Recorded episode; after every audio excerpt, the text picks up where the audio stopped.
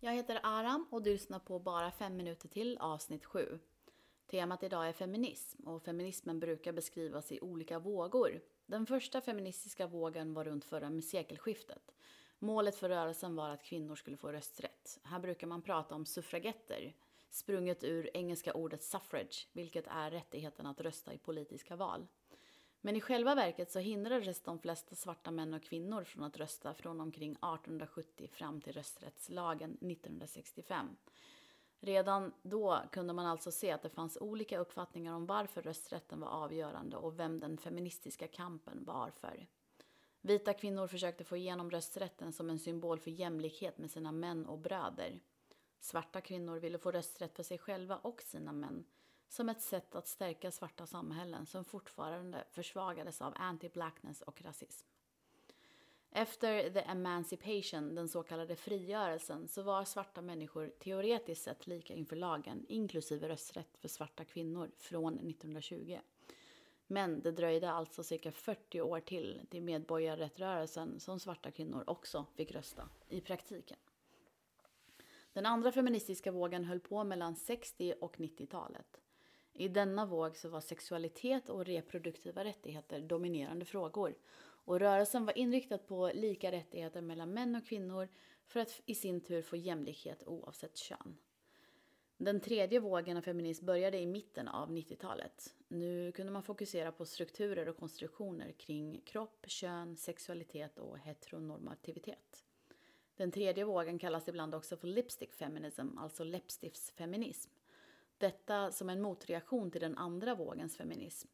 För att nu ville man helt enkelt åter, återta kvinnlig sexualitet, till exempel genom att försöka äga ord som slampa för att minska stigmatisering av kvinnor som enligt patriarkatet har sex med för många partners.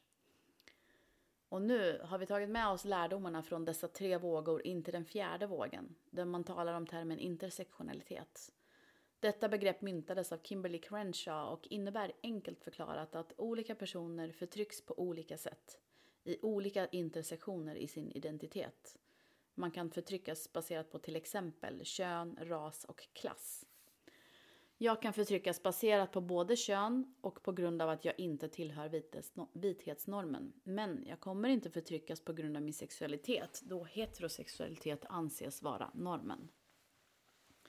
Den intersektionella feminismen anser att ingen är fri förrän alla är fria. Alltså att man ska ta hänsyn till och förstå de olika sorters förtryck man kan utsättas för i sina olika identiteter och olika intersektioner. I Sverige ser vi dock hur feminismen och rasismen tillsammans har en gemensam historia som fortsätter än idag. För hundra år sedan så öppnades världens första rasbiologiska institut i Sverige och samma år så protesterade svenska feminister mot så kallad rasblandning. Dessa svenska feminister ansåg att bara vita soldater skulle få vistas på europeisk mark, inte bruna och svarta, för det skulle ju kunna resultera i mix, mixade barn. Flera kvinnoorganisationer som bland annat Internationella kvinnoförbundet för fred och frihet samlade till och med in cirka 50 000 namnunderskrifter för att svenska kvinnor och familjer skulle undvika mixade barn. Och om nu någon vit svensk kvinna skulle bli gravid med en svart eller brun man så ville man snabbt övertala denna till abort. Och så spolar vi fram till när det är val i USA och Trump kom till makten. Trots att man sett i fyra år hur han och hans politik och hans följare uppenbart ville göra illa både svarta, bruna och asiatiska kroppar så var det en ökning i andel vita kvinnor som röstade på honom i 2020 och hälften av vita kvinnors röster var på Trump. Mer lokalt igen så kan vi ju se på till exempel hur kapitalistiska partier som KD och Moderaterna anser att det är okej att jobba med ett rasistiskt parti och samtidigt hävda att de är ansiktet utåt för den nya feminismen i Sverige. Kvinnor som röstade på KD, Moderaterna och SD var i valet 2018 nästan 40 procent. Detta är alltså i ett av världens mest jämställda länder, ett land som också hävdar ha en feministisk regering och ett land där arbetarklassen mer och mer utgör av svarta och bruna kvinnor.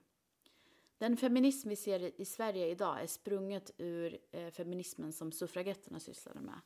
Och vi ser det även i vilka som tillåts utrymme idag där vithet centreras. Precis som det gjorde för suffragetterna i första vågen, där de inte tillät svarta män och kvinnor att rösta. Kika gärna in på mitt Instagramkonto på aram jajar så kan vi diskutera vidare där. Vi ses!